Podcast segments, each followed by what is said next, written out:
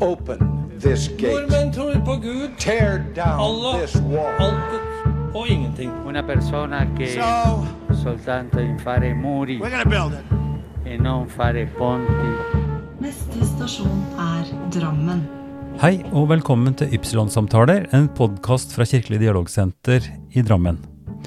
Navnet mitt er Ivar Flaten, og i denne episoden snakker jeg med Sylo Taraku. Han vokste opp i en liten by i Kosovo i tidligere Jugoslavia, en by som ligna ganske mye på Drammen. Barndomsminnene hans er lyse, med lange sommerferier på landet hos onklene, skole og fritid med gode venner og dagligliv i et trygt nabolag. Sylo bor nå i Drammen med sin familie. Han er rådgiver i Tankesmien Agenda, forfatter av flere bøker og en aktiv samfunnsdebattant. Plutselig begynte vi å se på hverandre med mistenksomhet, forteller han. Det var helt uvirkelig. Like uvirkelig som om det skulle bli krig her i Drammen, helt plutselig. Men det ble krig, og Sylo kom til Norge som flyktning 17 år gammel. Eh, Tusen takk for at du tok deg tid, eh, Sylo, til å snakke med meg. Vi sitter på video i disse tider, og, og lærere har ganske skarpe læringskurver, tror jeg nok, i forhold til det å samhandle eh, på en måte som var litt uventa. Vi hadde jo avtalt å møtes, eh, møtes ansikt til ansikt i dag. Eh, men eh, hvordan går det med deg og dine? Takk, det går bra. Eh, hyggelig å bli invitert.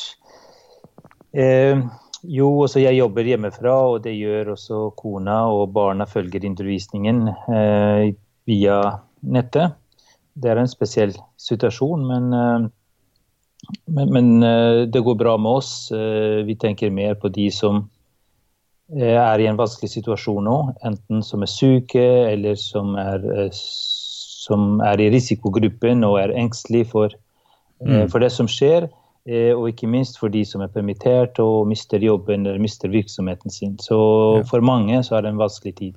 Det er, eh, det er en krevende tid, og, og jeg syns Altså de to ukene som har gått uh, nå, når vi sitter og snakker sammen, siden uh, de, de første alvorlige måte, beslutningene ble tatt om å stenge skoler osv., det, det er et uvirkelighetens skjær over det fortsatt, syns jeg. Og, og i, i mitt tilfelle også, hvor vi sitter hjemme og kona og jeg har det, har det bra. Vi, vi er friske og kan gå en tur hver dag. og ja, Så, så, så det er både òg, og det, det er veldig både interessant og skremmende hvor fort også utviklingen går. Og, og jeg sitter her med stor takknemlighet også overfor, eh, overfor de myndighetene vi har, og, og vi ser hvor både robust og fleksible både politiske partier er og, og myndighetene for å kunne takle dette. Så vi, vi er nok på et heldig sted i verden, er vi ikke det, Sylo? Absolutt.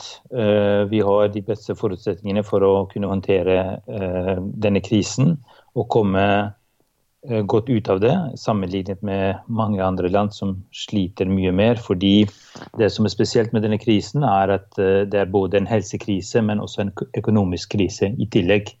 Mm. Eh, og det har ikke vært så lett å, å forutse, eh, at samfunnet skulle stenges på, på denne måten. Eh, men vi har eh, gode institusjoner eh, som samarbeider, eh, både partene i arbeidslivet, politiske partier som ikke utnytter eh, dette til å slå politisk mynt, men som eh, viser at konsensusdemokratiet i Norge fungerer i, i slike krisesituasjoner. Så får vi ta debatter etterpå om hva har gått galt, og hva burde, gjør, burde blitt gjort annerledes.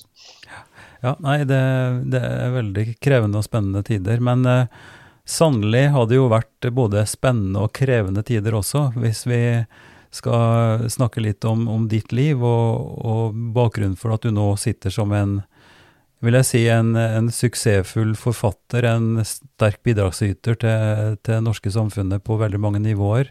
Du hadde en ganske krevende start, selv om ikke det var helt fra starten. Kan du ikke si litt om, om barndommen din, Sylo, og oppveksten i, i Kosovo?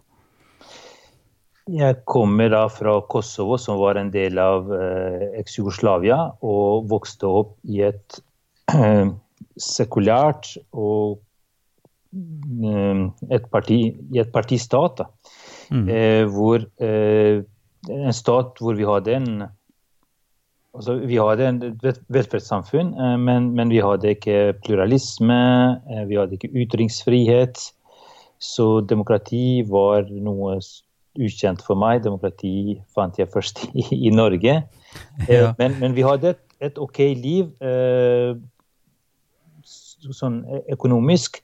Eh, men, men når Jugoslavia ble oppløst, så, så var det dramatisk. Eh, og jeg har opplevd en krisesituasjon, en, en helt annen krisesituasjon, hvor plutselig fikk vi unntakstilstand med checkpoints. Eh, skolene ble delt etter etnisitet. Vi levde med frykt.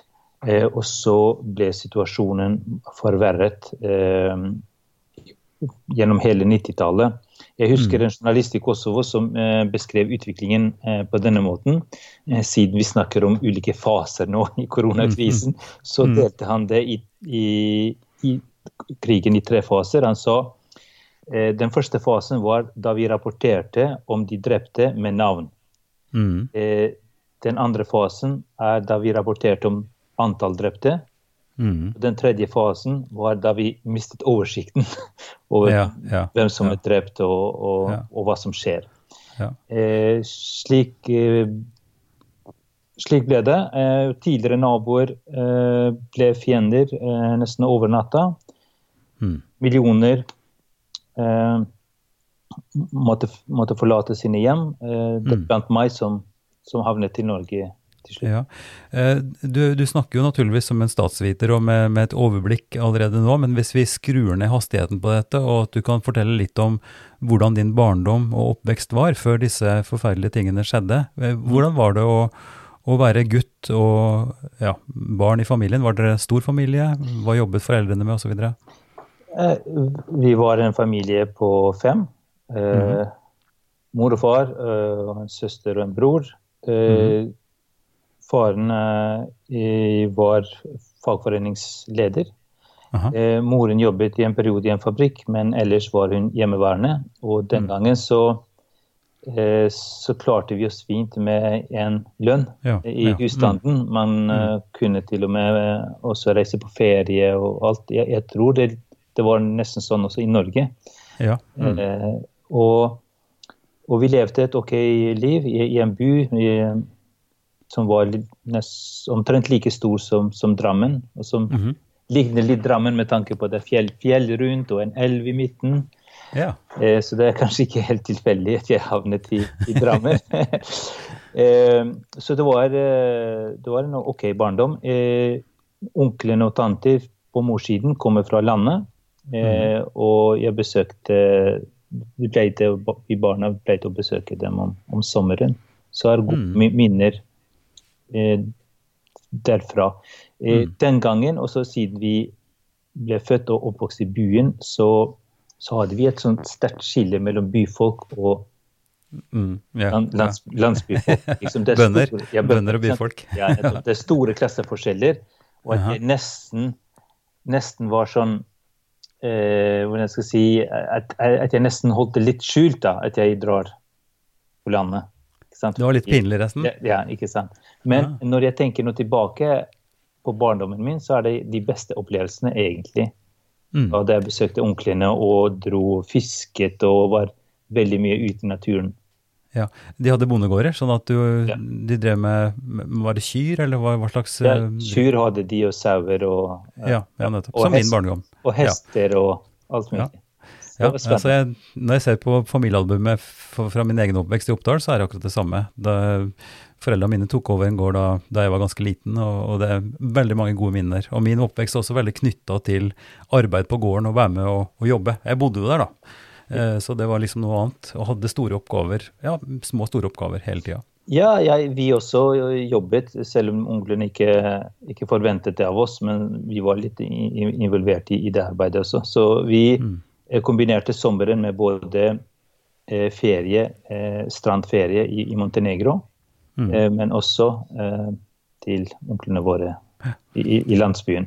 Eh, og de, eh, de luktene der, ikke sant, det er jo noe som bringer meg veldig fort tilbake til, til barndommen. Ja, ja, ja. Mm. Nei, det høres veldig kjent og, og, og fint ut. Eh, Men eh, har du, kan du si noe om hva slags verdigrunnlag, eller hadde du en følelse av at, at familien din hadde et bestemt prosjekt i oppdragelsen din? Var det ting du måtte gjøre? Altså jeg tenker på forhold til moské eller forsamlingshus, eller ikke sant. Var det sånne, sånne høytider eller markeringer som har prega deg, som du kan huske? Eh, nei, også familien min var veldig sekulære, så vi, de, verken far eller mor var praktiserende. Mm. Mus, muslimer riktignok, men ikke, ikke så praktiserende. Og eh, de har verken dratt til moské eller bedt hjemme, men vi har feiret de høytidene. Ja. Og vi har eh, ikke spist svinekjøtt, og jeg og broren min ble omskjært etter den muslimske tradisjonen og sånt. Og jeg husker Ja. når jeg spurte min mor en gang om hvorfor vi ikke spiser svinekjøtt, så, så sa hun at jo, eh, serbere spiser svinekjøtt, og det, det gjør ikke vi. Og, og, og det, det var som om det var selvforklarende, og jeg fulgte ikke opp med noen, noen flere spørsmål. Eh, men det var typisk at, man, at de ikke kom med noen teologiske forklaringer. Eh, for det samme, det samme svaret fikk Eller det var et sekulært svar også når vi spurte om omskjæring. Mm. Eh, og da sa de at det handlet om hygiene. Ja, eh, og, og, og bra, det er bra for helsa. Ja, ja. Ikke, ikke sånn at dette står i Eller Nei, det er en tradisjon i islam eller noe.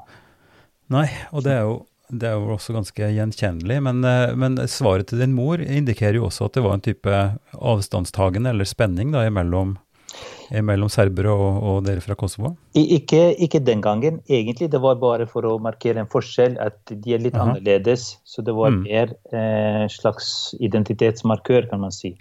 Ja, Eh, ja. Men ikke noe, ikke noe eh, hvordan skal jeg si Den gangen så, så hadde vi hadde naboer som var eh, både katolikker og ortodokse. Mm. Og i forbindelse med høytider så ga vi hverandre gaver og ble invitert til fest. Og det var, var veldig sånn harmonisk, kan man si. Ja. Lave, lave skuldre og, og vanlig avslappet eh, samliv i, i, i nabolaget. Ja, veldig. Eh, og ellers så spurte man ikke hverandre eh, om hvilken religion man tilhørte, altså på skolen og sånt. Jeg, jeg hadde en katolsk eh, klassekamerat som i, i mange år uten at jeg visste at han var katolsk. Mm. Ja. Mye senere forsto jeg det, men det var, det var ikke noe tema. Liksom. Men, men har jeg rett når jeg har forstått det slik som at det spørsmålet også var uttrykk for en slags mangel på, på høflighet eller, eller eh, kultur? Altså man ikke skulle stille sånne spørsmål? Altså at, at eh, en, var, en var landsmenn eller, eller, eller borgere uten en sånn etikett? At den på en måte laget et skille som man ville unngå? Kan det stemme? Ja, eh, til en viss grad. Jeg tror dette var det var fordi religion var ikke et tema eh, sånn generelt. ikke sant? Mm, mm. Man snakket ikke om det i medier. Man snakket ikke om religion i skoler. Vi fikk ingen religionsundervisning. Mm. Eh, og det var fordi eh, kommunistpartiet, eh, som da hadde kontroll i, i Jugoslavia, de ønsket å skape samhold og forsoning etter andre verdenskrig. Eh, Ja. Og i det nasjonsbyggingsprosjektet de hadde, så, så ønsket de ikke å fokusere så mye på religioner. Det var også fordi kommunisten, kommunistene var ganske sånn antireligiøse. Så når jeg eh, spurte f.eks. min mor en gang om, om hva som var bra under kommunismen eh, versus i dag, så, så nevnte hun mange positive ting. F.eks. at helsetjenestene var bra og gratis, og, Mm. og det var, eh, lønningene var høye, og det var bra sikkerhet, nesten ingen kriminalitet. Veldig sånn stabilt og godt samfunn. Ja, ja, ja. Eh, Mm. Når jeg spurte var det noe negativt, eh, så slet hun med å komme med noe. Eh, og, så presset jeg. Hun sa ja, så eh, den kommunistiske eliten de hadde ikke respekt for folks tradisjoner og Nettopp. religiøse følelser. Hun sa at man fikk aldri fri for høytider. Så selv om Nei. vi ikke var religiøs selv, så betydde høytidene mye. For alle var opptatt av høytider. Eh, men eh, man fikk ikke fri. Bare de politiske, historiske høytidene. Da fikk Ja, barna ja, fri. ja. Sant? Men ikke ja. når det var Bayram, altså id f.eks. Mm. Eh, og at ingen politikere eh, gratulerte folk, sa Nei, id. nei. Ja. Men så hun, merket, hun merket det skillet etterpå, når kommunismen falt og demokratiet kom, at eh, oi, politikere er nå på lag med oss. De forstår altså De er som, -hmm. som vanlige folk. Mm. Mens det var ikke sånn under kommunismen. Dette er en Ypsilon-samtale fra Kirkelig dialogsenter i Drammen. I denne episoden snakker jeg med Sylo Taraku. Men det ble jo også på en måte begynnelsen til de altså, potensielle spenningene og det som, det som skjedde. altså Kommunismen hadde vel rett i den forstand da, at det harmoniseringsprosjektet bidro til å holde en enhet, eh, og, og som da enkelte krefter begynte å, å både misbruke og utnytte politisk og, og, og på forskjellig vis. Så hvordan var det for deg eh, når det begynte å rakne, liksom? Når du, når du opplevde den første fasen som du beskrev her, som journalisten sa, eh, at man begynte å telle døde. Mm. Hvordan var det fra ditt synspunkt, altså ikke som statsviter og nå Mm. En kunnskapsrik eh, analytiker, men som eh, barn eller ungdom? Det var spesielt å se hvordan ting kan forandre seg veldig fort. Mm. Eh, Beskriv, det, beskriv det for oss. Eksempel at eh, de barndomsvennene mine i nabolaget, de kunne være serbere og albanere og sant, tilhøre forskjellige religioner og etnisiteter uten at vi brydde oss. Mm. Mm. Eh, og jeg hadde også eh, en, en serbisk kjæreste på skolen. Mm. Eh, men plutselig så begynte vi å se hverandre med mistenksomhet. Eh, Mm. og, og det ble et sånt vi og dem. Mm. Ikke bare vi og dem, men vi mot dem. Eh, og det, det var litt spesielt. Det at skolene, at man hadde avdelinger både med serbere og avdelinger med, med albanere, det var Ja. Så, Begynte man det å dele opp, er det det du sier? ja, delte det, delte, det var nesten som apartheid. ikke sant? Det var, man, man delte det for, for at vi ikke skulle møte hverandre. og så det var klar, klare Men skikker. hva, hva, hva, hva, hvordan oppfatter du det? Du sier at det skjedde veldig fort. altså Plutselig så ble det oss og dem, og, og ikke bare skille, men også fiendtlighet. Hva, var driverne i det? Hvordan, hvordan opplevde du det? Nei, ja, jeg opplevde det som veldig rart, ikke sant. Mm. Det var vi, vi ble litt sånn fortvilt, og, og situasjonen forverret seg veldig fort. Eh, men, men de eldre, de, de ble Altså, jeg vet ikke hvor overrasket de ble, men jeg tror de fleste ble overrasket, men eh, de kjente historien, og de visste at dette kunne, kunne skje. da. For jeg husker at min far, når han så hvordan kommunistpartiet eh, De hadde en kongress som eh, ble splittet og ble avsluttet før altså, ja, det var, de, de kom ikke til enighet om hvordan Jugoslavia skulle styres. Mm. Da sa han at uh, dette er slutten på Jugoslavia, og at uh, spørsmålet nå er om, om oppløsningen går fredelig for seg, eller om det blir krig. Sant? Og, Mm. og det, når han snakket om krig, så tenkte jeg det var som bare noen sånne abstrakt ting. Ja, Altså, For ja. krig var noe, noe jeg leste, eh, lærte på skolen, og så filmer om krig. Ikke sant? Vi så mange Mm. filmer fra andre verdenskrig. Mm. Akkurat som norske barn nå, eller ungdommer som ser på og leser om krig og, og ser Mm. filmer, de, de kan ikke forestille seg at krig kan ramme f.eks. Drammen. Nei. Plutselig Nei, nei. at man ser krigsscener i, i Drammen, eh, og checkpoints og militære og alt det der. Mm. Så, så, så det skjedde veldig fort, og det, ble, det var veldig sånn uvirkelig. Mm. Eh, men jeg kjente ikke på den angsten slik de eldre kjente, fordi det var litt Du hadde ingen referanse for det? Nei, ikke referanse, hadde- ikke sant? det var sånn ukjent. Eh, og vi, eh, vi unge mente også det var litt, sånn, litt spennende også, ikke sant. For det, Ja, ja. når det var Mm. portforbud, så, så husker jeg at eh, faren eh, sa til meg og broren min at vi må være veldig forsiktige, fordi hvis vi ikke følger politiets ordre, Mm. så kan vi bli eh, kan vi bli torturert og satt inn i fengsel, og at han ikke nå er i stand til å beskytte oss slik Mm. han var tidligere, for da hadde han kontakter og sånt. Men Ja, ja. nå er det Ja. helt nye tider. Men vi gjorde det likevel. Vi, vi, eh, vi respekterte ikke portforbudet og sånt fordi det var, det var spennende. Men dette er vel kanskje nokså sammenlignbart med situasjonen vi står i nå, eh, faktisk. At vi, eh, der er det ikke trussel om, eh, om fengsel, eller ja, kanskje til en viss grad bøter i verste fall, men, men nå er det jo en helt usynlig trussel som, som vi også har vanskelig for å, å, å forstå og ta inn. Jeg opplever at vi i Norge nå i svært mange år har levd i en slags unntakstilstand av av velstand og fred og, og helse og, og økonomi som har vært ekstraordinær.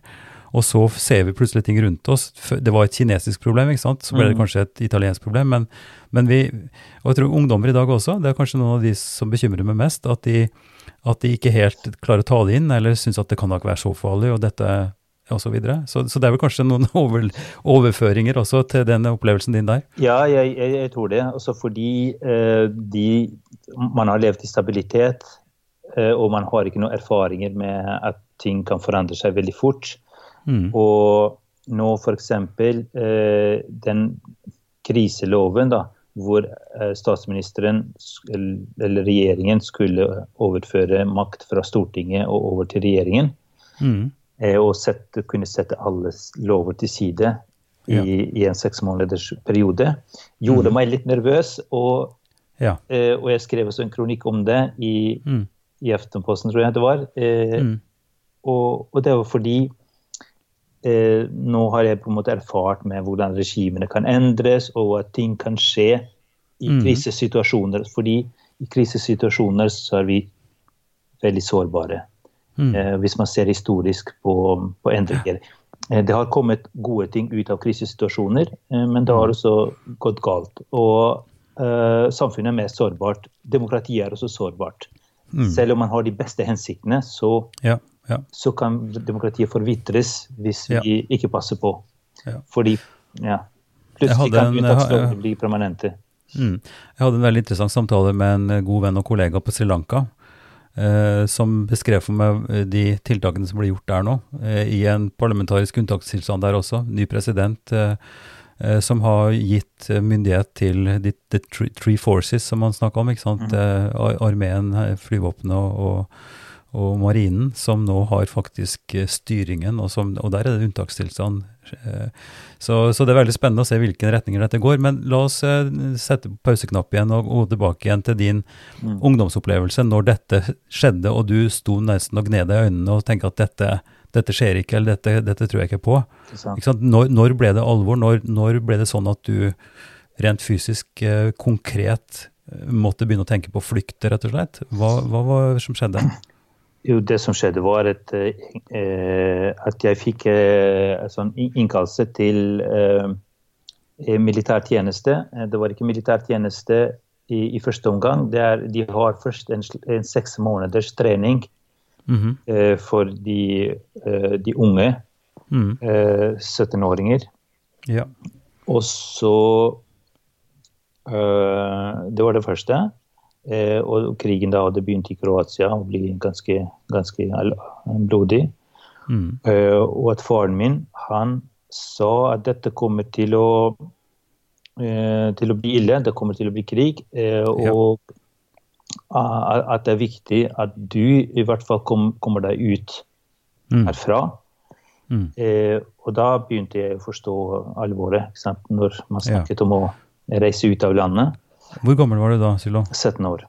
Ja. Eh, 17 og på vei til å bli 18. ikke sant? Ja, ja. Eh, og når jeg kom til Norge, så, så var jeg 18. Mm. Da jeg, jeg ønsket ikke å forlate landet, eh, men jeg sa at eh, du må, fordi ellers så havner du i krig, eh, og det er ikke noe krig som er verdt å, å kjempe for. Eh, fordi den jugoslaviske armeen da hadde snudd seg mot, mot sitt eget folk, Ja. Eh, og var kontrollert, kontrollert av serbere og eller, eh, Milosevic. Så Eh, og da, da var det snakk om hvor, hvor skulle jeg reise. Eh, Ja, og og ja. da, da var det to eh, alternativer. Mm. Enten Sveits eller Norge. Hmm. Ja. Eh, Sveits fordi jobbmulighetene var bedre der, ble det sagt. Eh, Ok. og, men så var det noen som sa at Skandinavia er et bra sted å, å bo i. De, de har gode ordninger, og man kan kanskje man kan klare seg fint der. Det er bedre fremtidsmuligheter og sånt. Mm. Mm. Eh, Sveits var litt sånn bedre kjent fordi mange som emigrerte, mange arbeidsinnvandrere fra Jugoslavia var, var i Sveits. Så okay. det var mer mhm. nærliggende å velge Sveits. Fordi Ja. du hadde et miljø, du, du, hadde, du kom til et, til et sted hvor det var mange som kunne ta deg imot. Ja, det stemmer. Det, det er jo folk på, på det sveitsiske landslaget i fotball som, eh, som har slike røtter. Ja, Ja. det har jeg faktisk uh, merka meg. Ja, det er mange av det. Ja. Og Norge hørtes veldig ukjent og fjernt ut. Mm. Men det var noe med, den, med Skandinavia som også hørtes veldig spennende, da. Dette Eh, reflekterte du over. Eh, ja, litt sånn Ja. Eh, så jeg Mm. tok Fordi jeg eh, Det var ikke så attraktivt å jobbe i byggebransjen, for å si det sånn. For, Nei, for meg. nei. Fordi Nei, det var nei. alle de jeg hørte om, Ja. slektninger sånn som jobbet i Mm. Sveits, Mm. jobbet i byggebransjen. Jeg forstår. Så jeg Ja. Så jeg, jeg tenkte ja, det er noe, det er ikke noe jobb for meg. Eh, det er ikke noe, noe for meg, så jeg tenkte litt mer på Skandinavia. Så jeg, mm. så jeg havnet hit, og, men så kom familien etterpå. Ja. Mm. Nettopp. Eh, lenge etterpå? Nei, med, med en gang etterpå. Så det var Ja. nesten, nesten samtidig. ja. Ja, ja. Mm. Eh, hvordan var det å komme fra Kosovo til, til, til Norge? Du, ikke, du ble ikke etablert på et fast sted med en gang? Du måtte vel eh, ha en sånn innfasingsperiode, du også? Ja, selve reisen var eh, sånn veldig dramatisk. Vi var, eh, det var to busser fra min eh, hjemby okay. som kjørte. Mhm, Eh, alle skulle til Norge, tror jeg, eller Sverige og Norge. Eh, -hmm. og den gangen hadde vi visum, eller visumfrihet, da, så det var ikke, det var ikke noe menneskesmugling eller noe. Men, men på veien, et et eller annet sted på veien, så sa de at den ene bussen var ødelagt. Så alle passasjerene fra den ene bussen skulle over til vår buss, så det ble veldig, veldig trangt i tre dager. Ja, ja. Eh, eh, men når jeg kom hit, eh, så havnet jeg på et asylmottak i, i Bærum. Tanum asylmottak, som var Mhm. Ja. mot et ankomstsenter for alle asylsøkere i mange år. Så mange i Norge har et forhold til det mottaket. Mm. Det var drevet av Røde Kors. Og det var første gang jeg så folk fra Asia og Afrika i, mitt Mm. mitt liv. Ja. Eh, og så husker jeg at jeg sto i kø til en kantine som var sånn, eh, et sted i midten der, Mm. eh, for å få mat. Det var ris nesten hver dag. Mm. Eh, og jeg så Røde Kors-flagget, og jeg så alle de flyktningene rundt meg. Mm. Så tenkte jeg, for bare kort, kort tid siden så så jeg på flyktninger på TV som fikk mat fra Røde Kors, og tenkte stakkars flyktninger. Ja. Nå, er jeg en stakkars flyktning selv. Sammen Ja. med afrikanske eh, flyktninger som har kommet til Norge. Og jeg kom ut av køen og, og dro til rommet mitt og begynte å gråte. ja. Det, det slo inn. Du liksom skjønte greia. Ja. ja. sant? At hvordan eh, jeg plutselig havnet i en, i en slik situasjon hvor jeg får mat fra Røde Kors. Ja. Eh, men så måtte jeg bare hvordan skal jeg si, akseptere realitetene og gjøre det beste ut av det. Men, men du, du var da aleine, du hadde ikke familie med deg? Du hadde kanskje noen som du kjente fra, fra byen din? Eh, ja, det var, eh, det var noen fra, fra Kosovo der, og, og familien kom også eh, fort Mm. etterpå. Vi reiste ikke samtidig, men, eh, men det var likevel veldig sterkt å, å oppleve en slik forandring. Ja. Eh, men, eh, men, det men så ble jeg intervjuet og ble spurt om hvorfor jeg valgte Norge. Mm. Eh, og da sa jeg at eh, det er fordi jeg har hørt bedre ting om Norge og sånt. Og Mm. eh, ble nesten fristet til å si at jeg er også stor fan av a-ha. Det var det. det var, En av de store, kjente greiene fra Norge. ikke sant, for jeg visste ikke så mye om Norge, men jeg visste om a-ha. eh, Ja, ja, ja. eh, som jeg hørte på. Fordi det var Men også med røtter i Drammen, som du vet, med Morten Arket. Ja. fordi den gangen det var, sant, MTV hadde sin oppblomstring den gangen. Så Ja, ja, ja. jeg husker at vi så på TV veldig mye på, på MTV. Og. Og, ja så, så det var det eneste egentlig nesten det eneste som kunne om Norge, pluss at det var mye fisking her og sånt. Fiskeindustri. Mm. Eh, og så sa jeg pene ting om Norge, og den gangen så han politimannen tror jeg satte pris på å høre utlendinger snakke så pent om Norge, eller de har hørt Norge Mm. er et, et godt land med humanitære tradisjoner og sånt. Fordi Mm. på 90-tallet så var Norge opptatt av å være en humanitær stormakt. Og, Mm. og, og, og mens nå blir man bekymret hvis asylsøkere sier har hørt så pene ting om Norge, fordi nå ønsker man Nå skal man sette opp store advarselsplakater. Det, kom ikke, kom ikke. Ja, ja. Ja. ja. Mm. Dette er en Ypsilon-samtale fra Kirkelig dialogsenter i Drammen. I denne episoden snakker jeg med Sylo Taraku. Tida går veldig fort når vi snakker sammen nå, og vi kunne jo dvelt med nesten hvert av de punktene, men, men de, den fasen du var i, i, i asylmottaket, og den inn, si, innfasingen i dag begynne å lære norsk og bli en del av det norske samfunnet, da, for å si det sånn, hva var det som var de, de stolpene, eller på en måte det rekkverket, eller de funksjonene som gjorde at du, at du ble en del av dette samfunnet, eh, allerede fra den gangen. Eh, kan du ta noen sånn raske sveip Ja. på det?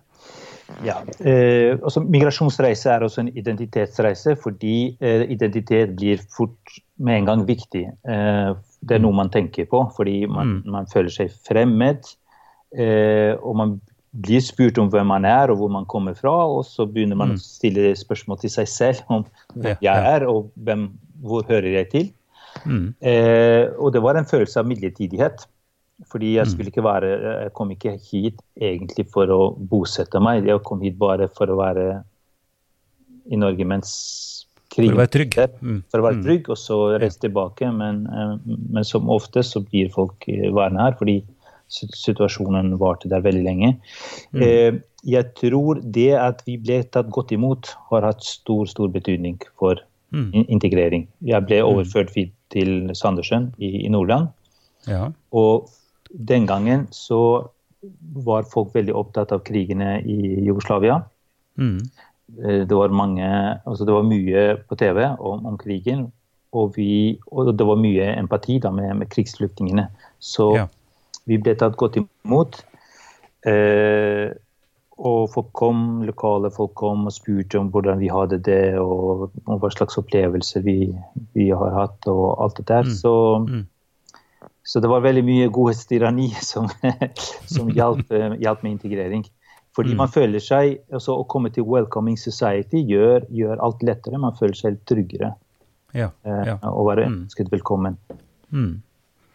Ja, det, det, Det var- du, har, du har også fortalt at du, ble, at du aktiviserte deg i, i frivillighet. Altså at det også ble en viktig del for deg å, å, for å bli for forankring i hos å bli kjent med folk, men også å, å lære språk sikkert og mye annet. Ja, for når jeg ble da eh, Jeg kom til Drammen, eh, for jeg Mm. fant jobb i, i Lier. Eh, og så så jeg det var mye vanskeligere å finne venner i Drammen. Og at Mm. nordmenn i Drammen fremstår som mye kaldere og reserverte enn de Ja. i Nordland. Og det har noe med både kanskje kulturforskjeller mellom Nordland og, og Drammen, men også storby og småby. ikke sant? Mm, mm, Eh, mm. og, og da lurte jeg litt på om hvordan, hvordan blir man kjent med nordmenn? Hvordan får man norske venner? Eh, og da fikk jeg høre at også nordmenn har sine egne venner og har sine familie og slektninger. De, de har ikke nødvendigvis plass til nye. så det er ikke så lett. Men eh, hvis du skal komme i kontakt med dem og skaffe deg venner her, så må du gjøre det gjennom organisert aktivitet. Enten Mhm. i, via idretten eller frivillige organisasjoner. Mm. Da eh, henvendte jeg meg til Røde Kors og sa Ja. jeg ønsker å være frivillig her. Mm. Og, og var frivillig i hjelpekorpset. Eh, og det var veldig viktig for min integrering, både fordi jeg lærte mye norsk. Mm. Jeg, var en del, jeg følte jeg var en del av samfunnet, for jeg møtte nordmenn på like fot. Fordi husk at nyankomne, spesielt asylsøkere og flyktninger, de møter nordmenn nesten bare som myndighetsrepresentanter. Ja, ja, ja. Mm. Så du møter systemet. Du, du møter ikke Du har ikke samhandling med vanlige folk. Og Ofte et ganske rigid system også. Ja, også Systemet er der for å hjelpe deg, men uansett, du, du, det, er ikke, det er ikke like hvordan skal jeg si, det er, det er ikke likeverd der. ikke sant? Fordi Nei, du nei. tenker, Selv de som jobber for å hjelpe deg, la oss si advokat eller en frivillig organisasjon som jobber med mottakssystemet, Mm. du tror at de, de er der for å kontrollere og for å passe på Ja. at alt går Ja. riktig for seg. Eh, mens i frivilligheten så er det så er du medlem eh, fordi alle er enige om en sak. Ja. Eh, Og der kunne jeg føle meg mye mer avslappet og, Mm. og følte at jeg var en del, en del av samfunnet. Så, så lærte jeg mye eh, norsk, da. Eh. Eh, og, sånn, sånn at- og skapte, sånn at- skapte nettverk også, som var viktig Ja. senere for Ja, ja, ja. Mm. Så, så på den måten fant du ut at drammensere var kanskje litt menneskelige tross alt, bak, bak de faste grensene. Det var spesielt å legge merke til at man er ute i naturen, eh, at alle hilste på hverandre. Mens naboer ikke hilste på hverandre her i byen. Men Utrolig, ikke sant? der Ja. ute så sa alle hei, og jeg, jeg bare ble overrasket. At, at det var sånn. Så jeg, jeg lærte masse. Ja. Mm, mm. Ehm, du har jo eh, altså Jeg har hatt stort utbytte av bøkene dine, Sylo. eh, både om generelt om innvandringen og også nå om frihetskampen i islam, og ikke minst balkanisering av Europa. De tre bøkene anbefaler jeg sterkt for de som er interessert. Men du har også hatt eh, Altså, du tok utdanning som statsviter i Bergen, og du har jobbet i flere organisasjoner. Helsingforskomiteen. du har jobbet i NOAS og i UDI. Altså, så du, du har hatt en type karriere og har en virksomhet nå som Altså i, i, eh, i, i Agenda, eh, der du skriver og jobber og, og holder på med politiske problemstillinger, men også hele tida i en slags relasjon til innvandring eller integrering. Um, så det er jo også fristende så klart å spørre eh, og, og vi kan ikke gå så veldig dypt inn i det, men, men hvis du skal ta noen veldig grove riss, da, ut ifra det som du ser uh, nå, hva er, hva er på en måte situasjonen for, for oss i Drammen? Vi, eh, som, vi pleier å snakke om disse store tallene, 150 nasjoner representert, og, og kanskje en tredjedel nesten av innbyggerne med, med røtter sånn som du ifra andre steder enn Norge. Mm. Hvordan leser du situasjonen? eh, og kanskje nå må vi si da før korona, for nå er vi jo på en måte en slags eh, ny situasjon igjen. Men, men hvordan er situasjonen i, i den multikulturelle Drammen, eller i et mangfoldssamfunn, eller eh, fra din synsvinkel? Ja.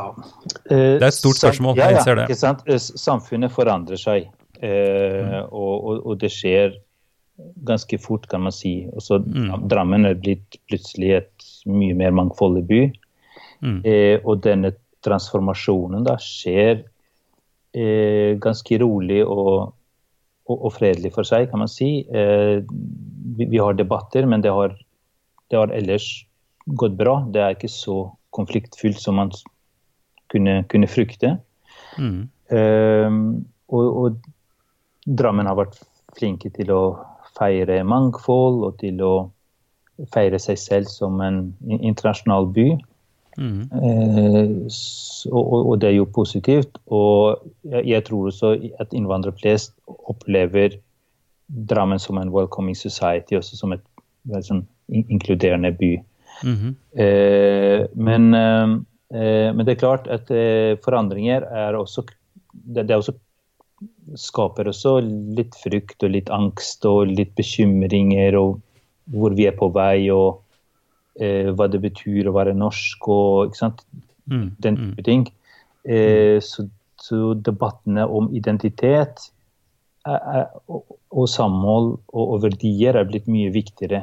For hvis vi Mm. ser litt historisk på integreringsdebatten, så har det, det har handlet om sosiale problemer eh, og om arbeidsintegrering i veld, veldig lang tid. Mm. Nesten helt til nå. Eh, stortingsmeldinger og alt det politikere har snakket om, har handlet om å få innvandrere ut i arbeid. Også kvalifisering, deltakelse og sånt. Men nå handler debattene i veldig stor grad om hva betyr å, å være norsk, eh, om norske verdier, om eh, møter mellom eh, religion og sekularisme.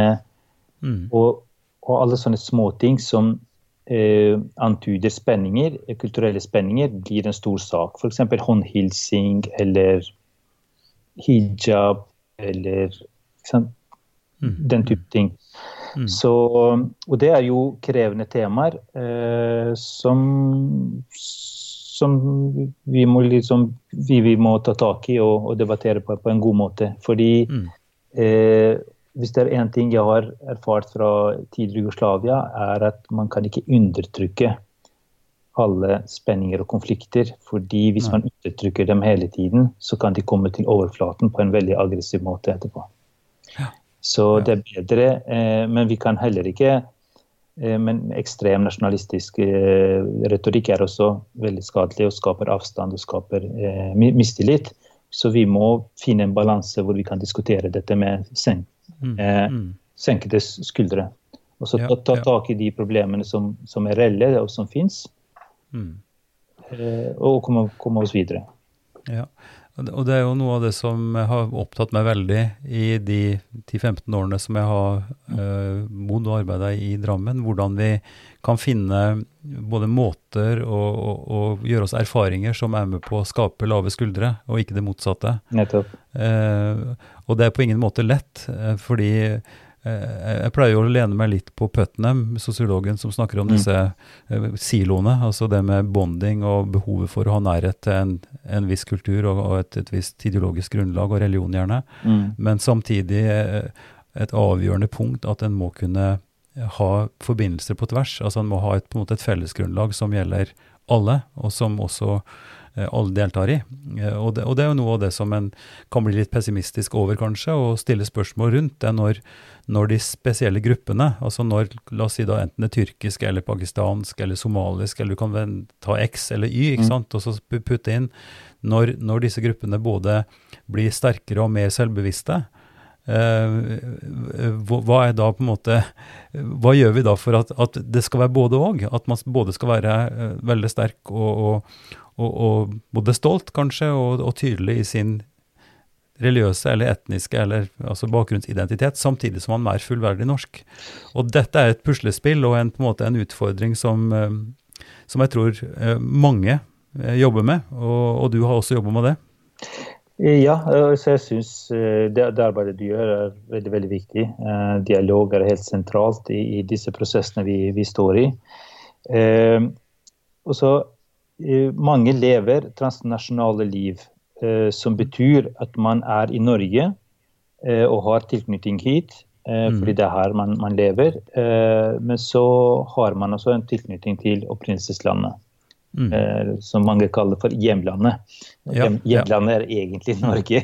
Eh, eh, fordi man følger med på hva som skjer i Tyrkia. Man, har, man reiser ofte dit. Eh, og man har også en gruppe her som gjør at man tilhører en gruppe her, diaspora-gruppe, som, som gjør at man er mer immun mot uh, kulturell påvirkning fra, altså, fra majoritetskulturen. Da, ikke sant? Mm. Mm. Eh, men, men det å, å, å leve et transnasjonalt liv er ikke, er ikke et hinder nødvendigvis til integrering. Fordi man kan elske både sitt opprinnelsesland og Norge samtidig. Og man Klart. kan føle seg tyrkisk og norsk eller pakistansk og norsk samtidig. Så, så vi har Mm. dette norsk-pakistansk, tyrkisk-pakistansk, som jeg, som jeg syns er fine begreper, fordi det viser at man tilhører to, to kulturer. Ja. Eh, det jeg er opptatt av, er at man ikke bygger eller ikke, ikke har en, eh, en etnisk identitet som er opposisjonell. Det vil si, mm eh, sånn som når moren min sa at vi spiser ikke svinekjøtt fordi serbere gjør det, så kan det høres ut som en slags opposisjonell identitet. At eh, vi gjør ikke dette fordi de andre gjør det. Mm. Eh, og hvis da de andre blir fremstilt som noe negativt, Ja. så kan det hos barn eh, utvikles en, en sånn opposisjonell identitet til det norske. F.eks. ikke gjør som de norske. Vi mm. gjør dette fordi vi er ikke norske.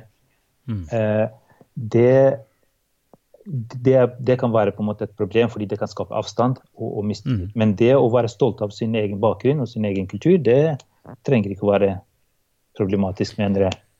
Nei, det er til og med kanskje en forutsetning. Eh, altså at man har en trygghet i sin egen eh, bakgrunn. På samme måte vi snakker om morsmål. Eh, I en viss fase så er det veldig viktig å kunne beherske sitt morsmål samtidig som man lærer et annet språk. Nesten som en forutsetning for å kunne lære et nytt språk også. Ja, de, de lærde altså, hvordan skal det? De lærde strides. Ok, ja. Ok, Ingen god analogi, med andre ord. Men, eh, men, Men- men- men tanken er i hvert fall at man, at man ikke skal være beskjemmet over, eller på en måte måtte ta avstand fra eh, sin egen, sine egne røtter og sin egen bakgrunn. Altså Mm. fordi, fordi eh, dette mangfoldet og at en bringer sine erfaringer og sin, eh, sine tanker inn i fellesskapet, er i grunnleggende forstand verdifullt, sånn som jeg ser det da. Ja, og, men eh, det samme kan man eh, si også om eh, norske nordmenn. Eh, at eh, de også bør kunne være stolte av sin egen kultur og historie og, og alt, eh, uten å, å tenke at nå lever vi i et mangfoldig samfunn, og at det, er mistenkelig å være, Nei, å være norsk patriot. ikke sant? Så lenge man ikke eh, man, så, så lenge man ikke hater de andre, da, ikke sant? Man ikke er ekskluderende overfor de andre. Så det, det å både anerkjenne hvor det, skal si, det er både å anerkjenne mangfoldet og feire mangfoldet, men samtidig jobbe for at vi tross alt tilhører samme nasjon, og Mm. at vi har en vi-identitet som samler Mm. alle oss. Ja, Det ja. tror jeg blir avgjørende i tiden fremover. Dette er en Ypsilon-samtale fra Kirkelig dialogsenter i Drammen. I denne episoden snakker jeg med Sylo Taraku. Jeg har også lyst til at du skal si litt om engasjementet ditt. Eh, altså, du, du, du har vært borti veldig mange ting og, og skriver mye og vært aktiv på mange fronter, men, men noe som jeg har lyst til at du skal si litt om, det er jo eh, LIM, altså Nettverket for likestilling, integrering og mangfold, eh, som du også kommer nokså mye inn på i den siste boka di. Altså forholdet mellom eh, en religiøs identitet gjerne, og, og, og det å kunne leve med, med åpenhet for, for andre, selv om en da er veldig uenig eller har på en måte helt annet perspektiv. Så det sekulære, og du har jo også eh, vært åpen på at du har, har gått en runde inn i et religiøst miljø og fikk fant trygghet og fikk på en måte støtte i din første tid som, eh, som immigrant Mm. hit. Eh, men eh, har gjennom utvikling og, og, ja, og, og erfaring, modning gjerne, skjønt at, at du står på et annet sted. Altså det sekulære da, som en slags grunnleggende plattform til forskjell fra det religiøse. Dette jo, kan være en konflikt, det kan også være en avklart eh, følelse, en, en, en avklart situasjon. Så det syns jeg du kan kanskje si litt om. Altså Hva var drivkraften din når du satt som generalsekretær i LIM, og, og, og hva, hvordan ser du nå forholdet mellom den religiøse identiteten og det religiøse mangfoldet her, og, og felles, det felles skal vi si, menneskerettslige, rettsstatlige? Eh, Det som var bakgrunnen for hvorfor jeg var med å opprette en sekulær organisasjon for, eh, for folk med, med muslimsk bakgrunn, var eh, at jeg ble bekymret over konfliktnivået og polariseringen i kjølvannet av karikaturstriden. Mm. Eh, For jeg hadde Jeg var veldig optimistisk når det gjelder integreringen. Mm. Eh, men den konflikten var så intens eh, med, med, med alle de demonstrasjonene der ute i europeiske byer, og, og det var veldig mye mistillit og sånt i, i debatten, Mm. eh, at jeg virkelig begynte å bli veldig bekymret. Og for jeg tenkte hvilken vei dette går, og jeg var også veldig opptatt av ytringsfrihet. Eh, og det som jeg, jeg hadde også en frustrasjon over at mange av de som snakket på vegne av muslimer, såkalte muslimske talsmenn, eh, talspersoner, eh, var ganske konfliktorienterte og, og snakket gjerne på vegne av eh, alle de 1,5 milliarder muslimer, eller hva, ikke sant, istedenfor å snakke fra et norsk utgangspunkt eh, her. Mm. Mm. Eh, så eh, fant jeg ut at det var flere med muslimsk bakgrunn der ute som kjente seg ikke igjen i den retorikken, eh, Mm. og ønsket å bidra konstruktivt til debatten for å dempe polariseringen. Mm. Så vi kom i kontakt med hverandre, og jeg beskriver litt i boken hvordan det skjedde. At en skriver i avisa, og så ringer en annen og sier just Ja, ja, dette, at dette er akkurat det jeg også har i tankene, og så ja, skal vi møtes. Eh, og noe av det første vi gjorde, var å kontakte Aftenposten og si at eh, vi er ikke krenket av karikaturene. Jeg husker, jeg husker det oppslaget. Det, var, det ble førstesidesak fordi det var så spesielt Ja, at de lagde en førstesidesak at se, det er noen muslimer som ikke er krenket. For det var. Det var så uvanlig, ikke sant. Mm, Eh, og vi, vi hadde også en markering hvor vi eh, hvor vi demonstrerte for ytringsfrihet og solidariserte oss med Kurt Westergård, som ble nesten drept i Danmark Mm. pga. en karikatur. Og det var også så uvanlig at det ble, en, ble hovedinnslaget i, i Dagsrevyen. Eh, så vi var med å endre litt debatten og vise Mm. at det er mangfold blant muslimer, og det er forskjellige måter å tenke på. Men Mm. også signalisere overfor muslimer at det er, uh, det er hvordan skal jeg si, det er forskjellige måter å være muslim på, og at det Mm. finnes krefter som står frem nå, og som ønsker å forandre debatten da litt. Mm. Eh, Så jeg, jeg, jeg tror vi, vi lykkes litt med å, med å si, både forebygge generalisering mot muslimer, eh, og kanskje dempe litt konfliktnivået og gjøre debatten litt mer mangfoldig, slik at ulike stemmer fra muslimske miljøer kom frem. I dag Mm. har vi en mye bedre situasjon da, hvor mange ulike stemmer kommer frem, og, og ikke bare noen få talspersoner som fikk lov den gangen til å definere hva som er muslimske interesser og hva som er muslimske følelser. Mm, nettopp. Eh, Og det, det interessante prinsipielle her er jo eh, at den skiller mellom om en sekulær tenkning, en sekulær stat, altså et felles sekulært grunnlag, som ikke, som ikke samtidig er antireligiøst. Det, det er noen både fra kristne og religiøse, andre religiøse retninger som vil si at, at sek, det sekulære er farlig. Altså at sekularitet er noe som er kontra eh, religiøse følelser og religiøs tro. Men, men det er jo viktig også å skille mellom de begrepene. altså at, at en insisterer på å ha en sekulær stat fordi at institusjonen og fellesskapet eh, er et grunnlag for, for det mangfoldige. Så, så det hadde du helt sikkert måttet også, vil jeg tro, møtt mange innsigelser og mye kritikk på Ja, fordi eh, for din egen del. Ja, hvis du ser på både sekulære nordmenn eh, i Human-Etisk Forbund f.eks., eller sekulære muslimer, så er det litt ulike tilnærminger eh, til dette spørsmålet. Eh, kanskje de som har hatt litt dårlige erfaringer selv, eh, vil være mye mer vil, ikke, ikke militante, da, men mye mer antireligiøse. Da, ikke sant? Mm, Mens eh, jeg har ikke hatt sånne erfaringer, for jeg kunne både gå inn i religion og ut av religionen mye friere enn mange andre, så jeg hadde ikke noe Mm. Dårlige følelser Nei, mot nei. religion. Og Mm. eh, sekularitet er for meg eh, en ramme som Mm. sikrer religionsfrihet. Eh, for ellers så La oss si eh, i, I mange muslimske land så er det én retning som dominerer, så det er ikke noe religionsfrihet. Det er sekular, sekularitet som vil sikre all, at alle retninger innen islam kan, kan være frie. Ahmediya, Ahmadiyya, sunni, shia kan leve Mm. i, i, i fred sammen. Eh, så også, også her. Eh, men, eh, men, men de som eh, Men vi var opptatt av at ikke bare de som snakker med religiøs, re- religiøse referanserammer, skulle få dominere i debatten. De som sier at eh, i Koranen står sånn og sånn, og Mm, mm. eh, man er krenket fordi det er forbudt å avbilde vår profet og, og den type ting. ikke sant? Så det å få frem eh, la oss si stemmer som også snakker et sekulært språk, Mm. var, var viktig for oss. Mm. Det er også veldig interessant eh, i religionsteologisk eh, samtale. Det, det er gjort eh, noen sånn felles uttalelser for eh, kristne og, og muslimer i Norge, altså mellom Islamsk Råd Norge og Den norske kirke.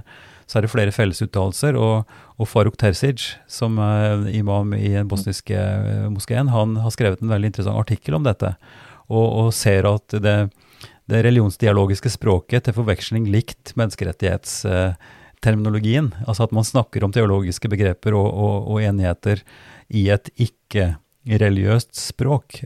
Og sånn sett eh, vil jeg tro også det er mulig å kunne snakke respektfullt eh, med hverandre eh, på tvers av, eh, av ulike si, ideologiske og religiøse rammer, da, men, men et allment språk som, som nettopp er basert på disse si, grunnleggende uh, rettighetene om menneskeverd, religionsfrihet uh, og tallfrihet osv. Ja, vi er nettopp nødt til å gjøre det for å kunne kommunisere fornuftig med, med hverandre. Uh, som Habermas sier, altså, religionen kan motivere deg til å innta et politisk standpunkt. Mm. Det er jo helt greit, men når du skal forsvare det standpunktet i et sekulært samfunn, så må du nesten oversette det til et sekulært språk. For, for ellers så snakker vi forbi hverandre og kan ikke Og et- ha en god dialog. Men, men det er jo en generelt god regel om, det, er- om du er politisk vitenskapsperson, altså skal du kommunisere med et større publikum, så må du bruke et språk som, som er tilgjengelig. Og det tror jeg også gjelder for teologer og, og andre. altså Hvis vi skal snakke om ting som, som berører folk på dypet, så nytter det ikke å bruke et eller annet stammespråk eller en, en, en, en teologisk, filosofisk sjargong som høres fin ut, men som blir fremmedgjørende. da. Og det, Ja. og det, det, det syns jeg er et ideal da, på, på alle Men, nivåer. men det er jo også interessant å se hvordan også de mest fanatiske kan man si, eh, kan bruke et sekulært språk for å forsvare sine egne praksiser. Også Mm. de som bruker f.eks. nikab, eh, salafistiske kvinner i Norge, de, de kan si at dette, dette handler om frihet, dette handler om likestilling. og? Og det er jo veldig interessant. da, ikke sant? Ja, ja, ja, Eh, For de kunne sagt at dette er påbudt fra Gud. Og, og? Men, men de, de bruker de argumentene som de tror virker i det norske samfunnet. Så Da kan man så klart ha en, en mistanke bak der om dette er alternativ, altså det er en ordbruk som tildekker, men man kunne også gi de rett at ok, de står fritt til å bruke den her habiten hvis de absolutt uh, men, vil det. men, men det blir en, en interessant debatt, fordi når man bruker frihetsbegrepet uh, for å forsvare uh, bruken av nikab i skole og i andre Ja. arenaer, så må vi Ja. forholde oss til det. Og da må vi Ja. ta den debatten. Men det er jo interessant å se, apropos det du sa om bruker et sekulært språk, at alle Ja. bruker det. Sant? Ja, ja, ja. ja. Også, også når, når, når, når det er ikke det kanskje som er egentlig motivet, men Mm, mm, ja.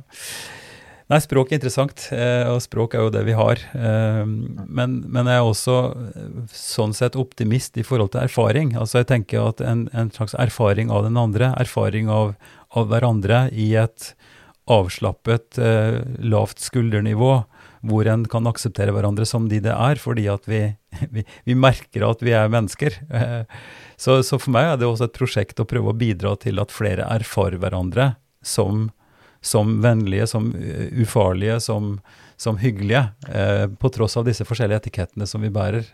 ja, absolutt. eh, Det er jo veldig viktig, og du nevnte Puntenham. Og, det, derfor er det veldig, veldig viktig å møtes i, felles arenaer. Eh, fordi hvis vi også, Det verste som kan skje når det gjelder integrering, er hvis vi segregerer oss. Mm. eh, og ikke møter hverandre, for da kommer eh, Da er det mye lettere med mistillit og med fordommer. Fordi du får ikke ditt verdensbilde korrigert ved å møte, andre. For Men, eksempel, men det, er jo, ja, det er jo et stort dilemma nå som du har skrevet om og i, i denne eh, polariseringstiden vi har, hvor, eh, hvor sosiale medier, som vi var veldig opptatt av, og, og, og internett veldig optimistiske i forhold til, hvor ødeleggende det er når disse lukkes til, og, og der eh, statsledere også kan tillate seg å gjøre hva som helst uten at det tilsynelatende rokker på tilliten, fordi de Ja. Så det er, det er noen sånne stygge mm, sider som er problematiske, og jeg lurer fælt på nå, Sylo, i den situasjonen vi står i nå. Nå sitter vi og snakker hverandre med hverandre via nettet. Og vi er nødt til å jobbe sammen mer og mer digitalt nå, i denne fasen i hvert fall. Og jeg tror det, som du sier også, at det kan være gode grunner til å fortsette med det. At det kan være en god hjelp til å jobbe mer effektivt eh, og nå hverandre på en bedre måte. Men, men eh, hva, vi, hva tenker du i forhold til de store Nå, nå har vi noen store problemstillinger rundt oss, ikke sant. Med, med, med den virussituasjonen vi har, og med en økonomi som står i fare for å knele. Det er ikke alle som er like heldige som, som Norge. Um, er det sånn nå at vi ser eh, en realitet som vi bare eh, kunne filosofere rundt? Altså skal, hva skal til for at vi skal endre praksis i forhold til klimaendringer, i forhold til disse eh, store prosessene som ser ut til å ødelegge oss? Er dette vi er inne i nå, en slags eh, for å si det litt flåsete, en slags skjebnens eh, korrigering, eller naturens eh, strike back, liksom? Altså, det jeg eh, tenker akkurat nå, er eh, hva, hva blir de langvarige konsekvensene av dette? Du, du nevnte klima, f.eks. Eh, eh, klima har vært vanskeligere å, å se, fordi det er noe som ligger mye lenger frem i tid. Eh, selv om det, bevisstheten har økt, mens denne krisen som har rammet oss, er mye mer konkret. Selv om det er usynlig virus, så, så ser vi at folk havner på sykehus og, og noen dør og sånt. Mm. Eh, men eh, de politiske konsekvensene eh, av dette er, kan, kan være negative. Fordi nå er det mange som bruker dette til å si at det skyldes globaliseringen, eh, og at vi må stenge grensene i større grad, og argumentere mer for selvbergingsøkonomi. Fordi det som skjer i krisesituasjoner, er at vi, eh, vi har en eh, sammenflettet økonomi nå eh, som har eh, vært bra for eh, Norge, og som har vært bra for Kina og for, eh, for verdens fattige. Eh, men i krisesituasjoner så ser vi hvordan man ønsker å ikke sende produkter som er kritisk viktige til, til, til utlandet, men holde for seg selv. Polen eksempel stoppet noen Mm. eh, Hva var det? Eh, ja, det stoppet varer som skulle til Norge, fordi de Ja, mm. selv. Eh, og, det, eh, og at man begynner å tenke at vi må være selvforsynt for å kunne takle krisesituasjoner, det fører oss litt tilbake til mer proteksjonistisk eh, økonomi, som Mm. gjør oss mer sårbare Mm. eh, globalt. Ehm, så, så det er sånn viktige debatter fremover om hvordan vi kan takle dette globalt, slik at, det ikke kommer, at vi ikke kommer i sånne situasjoner hvor vi plutselig mangler helt vitale ting, Mm. og vi ikke får det fra de landene som produserer dem. Kanskje er det et eh, skjebnens ironiske håpstegn at eh, Xi Jinping nå utre- retter ut en hånd til, til Trump for å hjelpe de med medisinsk utstyr og sånn. Eh, Jo, eh, Kina, eh? Kina bidrar med hjelp nå både til Spania og til Italia og til Balkanland og sånn. Og det er eh, noen bekymringer knyttet til det også, fordi hvis de har Det det. hegemoniske ambisjoner, så er det ikke så bra. Men det, det positive er at de har ikke stoppet leveranser Nei. til Vesten. eh, Mm. Og heller ikke av, eller av medisinsk utstyr og sånt, fordi Mm. det kunne slått tilbake på dem. Fordi vi kjøper så mange ting, og hvis, hvis de ikke gir oss noe ting som vi trenger Det er jo, det er jo megastrukturer som vi, som vi kan se noen mønstre på også i det personlige. Altså Vi har en gjensidig avhengighet på et globalt nivå, men vi har også en gjensidig avhengighet mellom enkeltmennesker i, i nabolag og i, i byer og sånt. At vi, at vi kanskje kan i denne krisetiden da, tross alt ta med oss det av erfaringer som vi har, og som vi kan bygge videre på i, i en krevende tid. Nettopp at vi ser hvor, hvor viktig fellesskap er. ikke sant? Ja, ja. I, i slike mm. Sylo, vet du at timen har gått, så vi må runde av. Tusen hjertelig takk for en veldig interessant samtale. Takk til deg også. Alltid Ja. hyggelig å snakke med deg. Ha det bra. Ha det. Takk for at du hører på Ypsilon-samtaler. Mer informasjon om oss og hva vi holder på med, det finner du på www.ypsilonsamtaler.no. Der finner du også en kort presentasjon av alle samtalepartnerne og lenke til episodene. Du kan også søke på Ypsilon-samtaler på din podkast-app og abonnere på episodene. Vi er svært glad for tilbakemeldinger og forslag som du kan sende til e-posten ivar at kirkeligdialogsenter.no. I den neste episoden møter vi Ana Maria Silva Harper, som kom fra Venezuela som utvekslingsstudent til Trondheim. Og der møtte hun en ung mann. Ana Maria er svært aktiv i Drammen som politiker og samfunnsaktivist med mange jern i ilden, bl.a. som leder for Drammen minoritetsråd og stifter av Jasmin kvinnenettverk. Ypsilon-samtaler er støtta av Drammen kommune og Barne- og familiedepartementet. Ansvarlig utgiver er Kirkelig dialogsenter Drammen, ved daglig leder Ivar Flaten.